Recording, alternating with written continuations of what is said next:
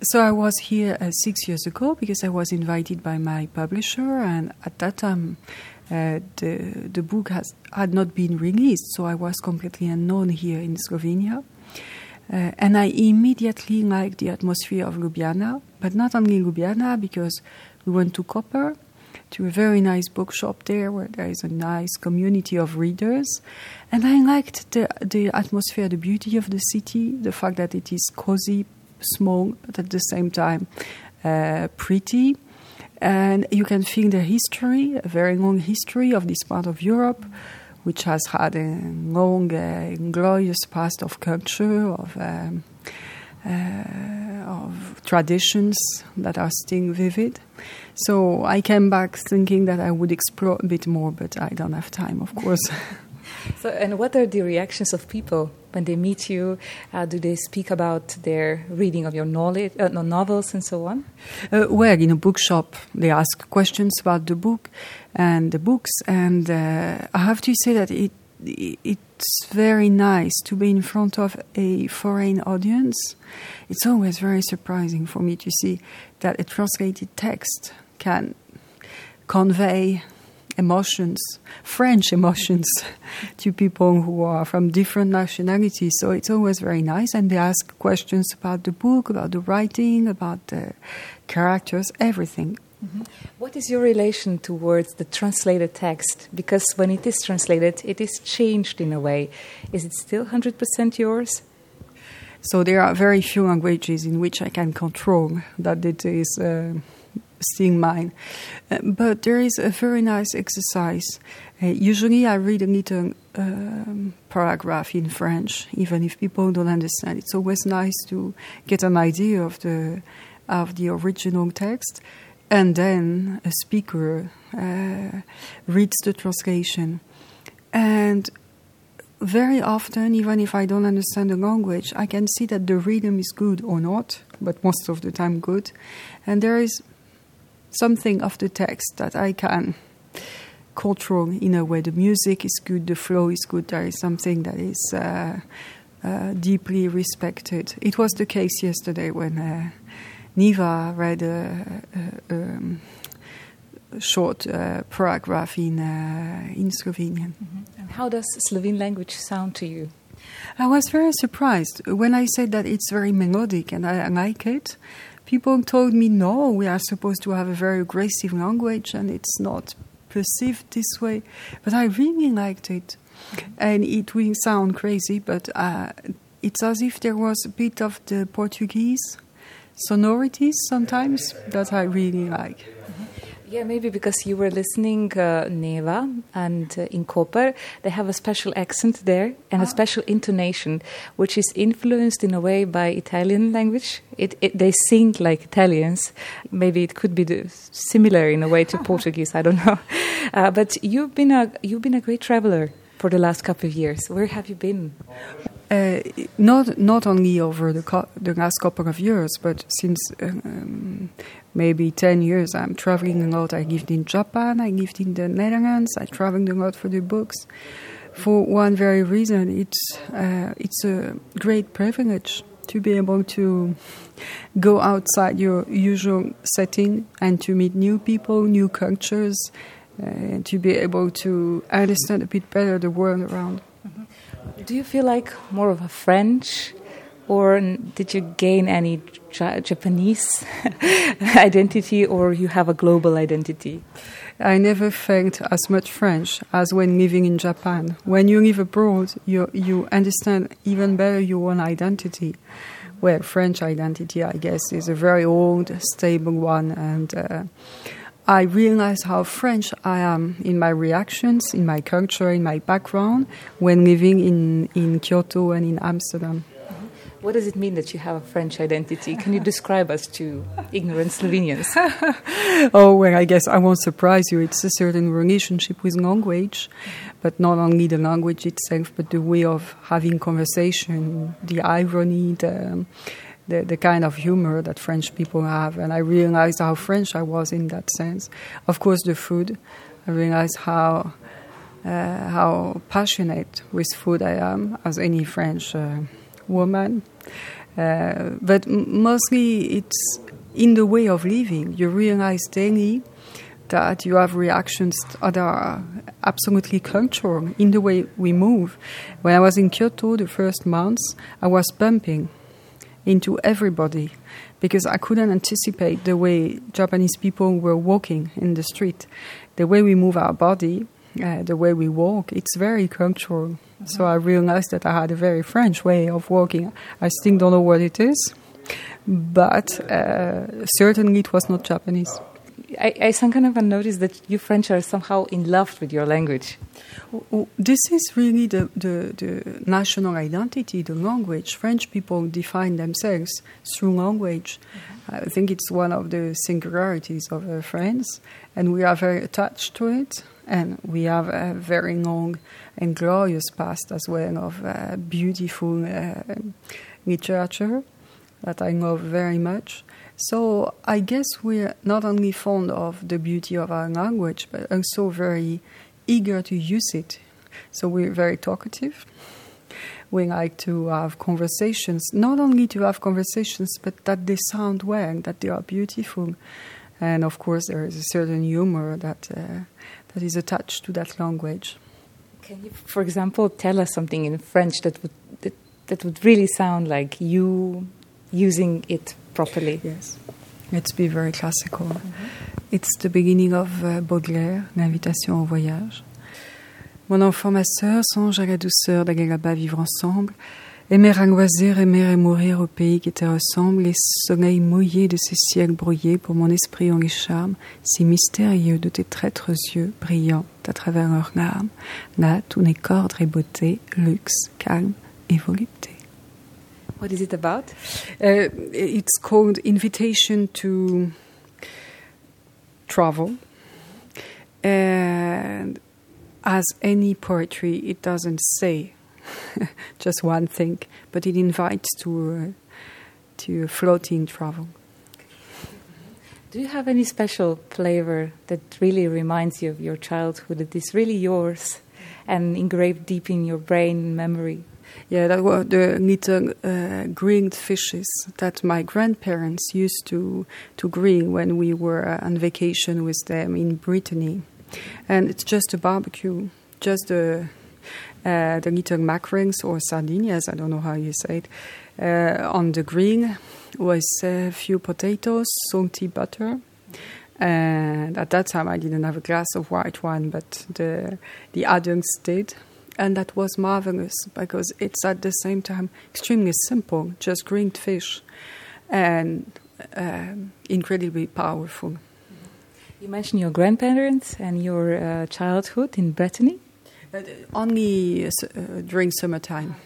Can you maybe share with us any impressions from your childhood that really special? Uh, I don't know, colorful. Well, trees because I, I was privileged enough to uh, to be raised in the countryside, and I would spend all my days in the trees, and I think it has really shaped my relationship with the world, to see it from the perspective of the branches on which I was uh, standing. What does tree mean to you? What kind of a metaphor and symbol is it? Uh, beauty. Um, well, it fascinates me that something completely vegetal can also vibrate in a way you can feel and have a sort of melody that inspire you and usually gives you quiet and uh, peace of mind. So you feel safe when you're surrounded with trees? Safe, and also I guess it has been my first visual emotions. I would say almost artistic because when very young, I understood that they were beautiful and that they had shapes that you find again in art, in artificial art, the one that we create, not the one that is in front of us. And I, I was already amazed by the the sensation that I was in front of pure beauty. Pure beauty. How would you define pure beauty? Well, it's impossible to define that. This is why each time I need a novel to try to figure out what it is. Uh, but I try to get close to beauty as much as I can. In Japan, it has been an extraordinary experience. And if I can answer with a metaphor to your question, I think it starts with silence and the possibility to be silent somewhere or to be in a place that has been designed to be looked at in silence and to be appreciated with all the quiet of mind that is possible. So, the, the, the very single point of singularity when all the noise goes into just one single point. Yes, one single point, which is also, which is as well within and in front of you. This is, for example, what I experience in Japanese gardens. Mm-hmm. Why are you so much fond of Japan, Japanese culture, way of thinking? Oh, oh, well, I'm not the only one, as you know, and we are numerous to be fascinated by it. Uh, probably for this reason, because they have a sense of uh, beauty and harmony that is unparalleled. Of course, the culture is more complicated than that, and contemporary Japan is a complex culture. But what's left of old Japan, the temples, the gardens, uh, the traditional arts, flowers, tea, uh, even martial arts, are all oriented uh, towards the idea that you can reach a certain kind of perfection if you're very rigorous and if you listen to nature. I remember uh, I met a gardener there.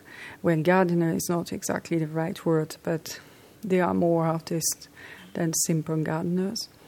And I asked him uh, what was the way, what was his way of working, and he answered, I just copy nature. Which, of course, is not true, but. Now, let's move to your third novel, I mean, the, the, the Life of Elves.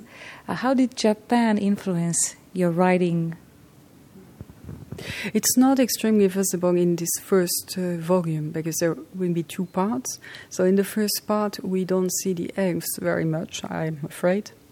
But the idea of uh, introducing elves in a classic novel came from a conversation about Japan.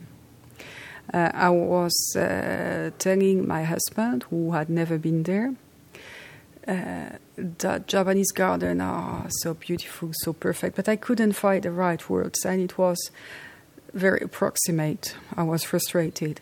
And in the end, I told him that Japanese gardens look like as if they had been designed by elves. And then suddenly I realized that it would maybe not be such a bad idea to put some elfin characters in a novel. Mm-hmm. But we will see more of them in the second part. Mm-hmm. But who are elves for you? Oh, uh, beings completely devoted to poetry and nature. They love, they, they really love uh, both uh, art and nature. They see the connection between both, and uh, they live this way. Is the coexistence of human beings and elves possible? We'll see in the second part. At the moment, it's very complicated because when the first uh, when the first part ends, there is a big battle, and we understand that there will be a big war uh, between men, between elves and men, between elves themselves. So we'll see. It's a to- I got a feeling that it's quite a different genre the third this book to, in comparison, for example, to Hedgehog and so on. How did you decide to to write about such a fantastic um, and surrealistic, I don't know, beings and? Well, it's only partly fantastic. Huh? I I really think it's a classic classical novel with some fantastic um, uh, sides. Uh, second, I never decide. If I could decide what I want to write, my life would be much easier. One day I understand that this is what I have to write, and I, I follow the stream. Uh, but and so my first novel is also very different from the second, and as well um, from the third. So I really need to explore new territories to be able to feel the desire to write again. I would be unable to do twice the same. And I guess it is as in life. You need sometimes to get out your comfort zone to be able to create or your life or your books uh, in a genuine way. And how do you write? What is your procedure like? You just sit down and listen to what comes into your head? Yes, and, and welcome the unexpected. When it's expected, it's not good, it's never good. When it's unexpected, it might be good. Mm-hmm. Uh, and so, for this, to be able to be at the same time focused but open and to let go and to accept anything that comes, it has to be early morning because otherwise the day goes on with all the worries and the usual uh, things that happen during the day and it, uh, it, it parasites you. But early morning I feel completely empty, completely relaxed. So usually I write from 5 to 8 and uh, then the normal day can start. Are you sometimes surprised what you wrote the next day and so on? Well, this is the perfect test to know if it's worth keeping the page or not. If I read it over and I'm not surprised, I can throw it immediately. it belongs to the trash. If I'm surprised and if I wonder how I could write that, this is good sign. Okay, now let's move to the second book, which the Slovenians are so much fond of.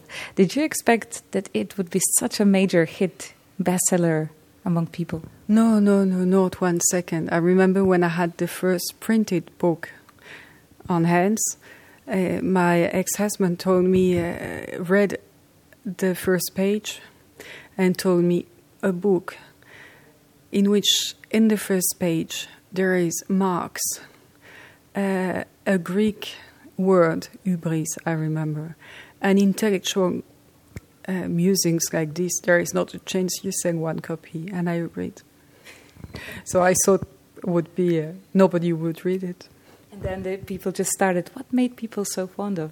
I have no idea, honestly. I've been asked the question quite often, and I really don't know. But you know, I don't want to know. It belongs to the readers. But what was your aim when writing this book? Because it it was in a way provocative, educational as well. No, but my aim is just to write. I adore writing, and after when I finish, it's another it's another story. This is not mine anymore. Of course, I'm happy to to get some feedbacks and to talk with readers, but it's the real part for me is the solitary part of writing, and it's enough for me. I could I could write without publishing. That would not be a problem. Just like your own diary. Do you write a diary? No, I don't. No, no, no, no. But uh, maybe I should. um, now, wh- what about this idea of a hedgehog? It's uh, really interesting. I mean, a French could made up something like that. Uh, for a very long time, the novel had a different title, but that was not a good one. And so, with my husband, we were looking for titles. The book was finished. And he proposed The Elegance of the Hedgehog. And immediately he said, No, no, no, it's stupid. And I said, No, it's perfect. I adore this title. Because the characters are like hedgehogs, as it is explained in the novel. They are very defensive from outside. They look defensive, but inside they are very tender and sweet. I mean, in a way, they are so tempting because they're, especially um, the, the, the older woman, because she's so different. On the first sight, she is something, but when you dig deep into her, it's really like a treasury hole or something. So many things discovered there. I mean, um, do you also feel that you are like that Oh, but not me only. I think it's the case for many of us. When I was working with uh, primary school teachers for a very long time, I, I, was teacher in an institute for primary school teachers. Um, I remember what one told me one day. Uh, she had a lot of experience, and I had not. And she told me that when she sees her pupils the first day of the year, some look really difficult and she knows it will be difficult to get in tune with them and to and to have good relationship with them. But she told me that she knows by experience that there is always a treasure to find in each pupil, and it has deeply impacted me. This was, um, for example, nowadays uh, people are more and more educated and so on, but there's also a lot of this mass media, and people are getting shallow. This attention for crucial social problems and so on, it's so shallow. It's uh, and maybe this is this was something that it was deep, it was touching, and so on. What do you think about this nowadays culture that it's a little bit shallow? Well, what I know is that I'm not adapted to it, and there are two things I really suffer of. Uh, we live in a fast world. Slowness is not allowed anymore. It's very difficult to be a slow person as I am nowadays. But I think slowness is really useful in many ways for our private lives, for what we do. Uh, so I, I really suffer of it. And the second thing, I guess that images now are stronger than texts. And for a writer, this is a bit scary. With mass media, we are, we are overwhelmed with more of images and less and less text and shorter and meant to be read without focusing. It scares me. Yeah, because where does this visual noise lead us to? I mean, are we going the wrong way? Well, I'm not an expert in anything, but just as a writer, a reader, and a citizen, I think that it overwhelms me. Is this also what you try to get? I mean, to encourage people with your books because now you have elves. It's a little bit of slowness and getting back. And but I realized that uh, this book was, in a way, a sort of resistance from me. Uh, no, a resistance to that, even if I didn't. Uh, I was not aware of it while, writing, but I wanted to write something more slow, more poetic, a dreamy book out of uh, out of time, of space. Maybe that's why, yes. What do you think about the people's, I mean, the dreams? Now everything is visual. We, we, first we we see the image, then we say, then we reflect, and then we make a critic or something. There no, there's no more place for reflection, no more place for dream. Probably, even if it's not the image, the images themselves that are the problem. It's the way we use them. I'm, for example, a big fan of Miyazaki movies, beautiful uh, Japanese uh, anime movies uh, director, and this is a use of images that leads to, to dream and hope. When the, the daily news are overwhelming us with uh, unconstructed images. It's just thrown away like this. Um, what should people do, in your opinion, to be um, to make a resistance to what we're describing right now? The the rule of images, the, a lot of noise, a lot of waste, and so on. What should we do to return to? Well, what what should other people do? I would never dare say. I don't know, but my way is just to still believe in poetry? Um, poetry is it's not just the, the core poetry written down on a paper, isn't it? Well, no, no, the poetry of life, and to, to be able to taste it. And, but also, I strongly believe in real poetry. Mm-hmm. Maybe everybody should read a poem each morning before going to work. I'm never really comfortable with uh, questions that goes beyond writing. I always think that I'm too small and too ignorant to have a global vision of the world. Uh, what is very strange is that once I write a book, once it's written, when I read it over, I understand that it, it expresses what I feel about the world, but I would be unable to articulate it mm-hmm. in a rational and, uh, and a clever way. You're also a philosopher, and um, what are your uh, favorite philosophers or philosophical ideas?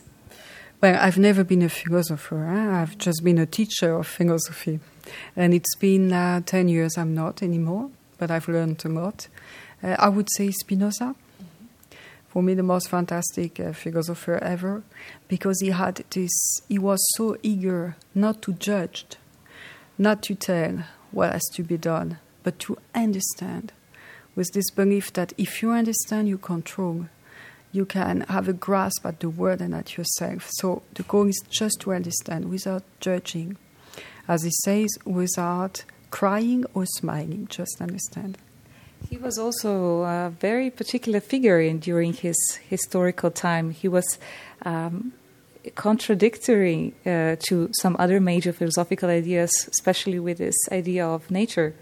Uh, well, and of God, huh? yeah. because he he wrote a lot about God, but not in a very uh, uh usual way. But mostly, I think he's a great thinker of modernity for the re- very reason that he loves humankind enough to believe that it can go towards more knowledge and more self awareness. Mm-hmm. And you, as a teacher of philosophy, what was your aim? To raise the questions, to get the treasure out of people, to so, so that they can realize their own treasure carrying inside of them? Well, it should have been this, and partly it was, but I have to confess that it was a mistake to teach philosophy because what I like more than everything is uh, literature, fiction. Uh-huh.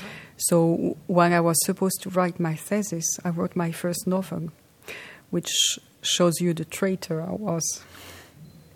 Um, the traitor, but anyway, I think that we are all philosophers in a way. Well, I, I, I think the same, and uh, my aim was just to understand better again comprehension the way you want. Might you be a philosopher, a writer, a citizen, a banker, or just let's just try to take the time to understand. Um, do you listen to radio? Yes, very much. I think it's fantastic media. Why? Because no images. and because for a writer, I mean, it's it's great because it's only the the voice and the words and the image has no role in there. Exactly as for a book. And what I find beautiful with a book is that each reader creates his or her own images. This is maybe why I'm not so fond of uh, uh, imposed images. Yeah.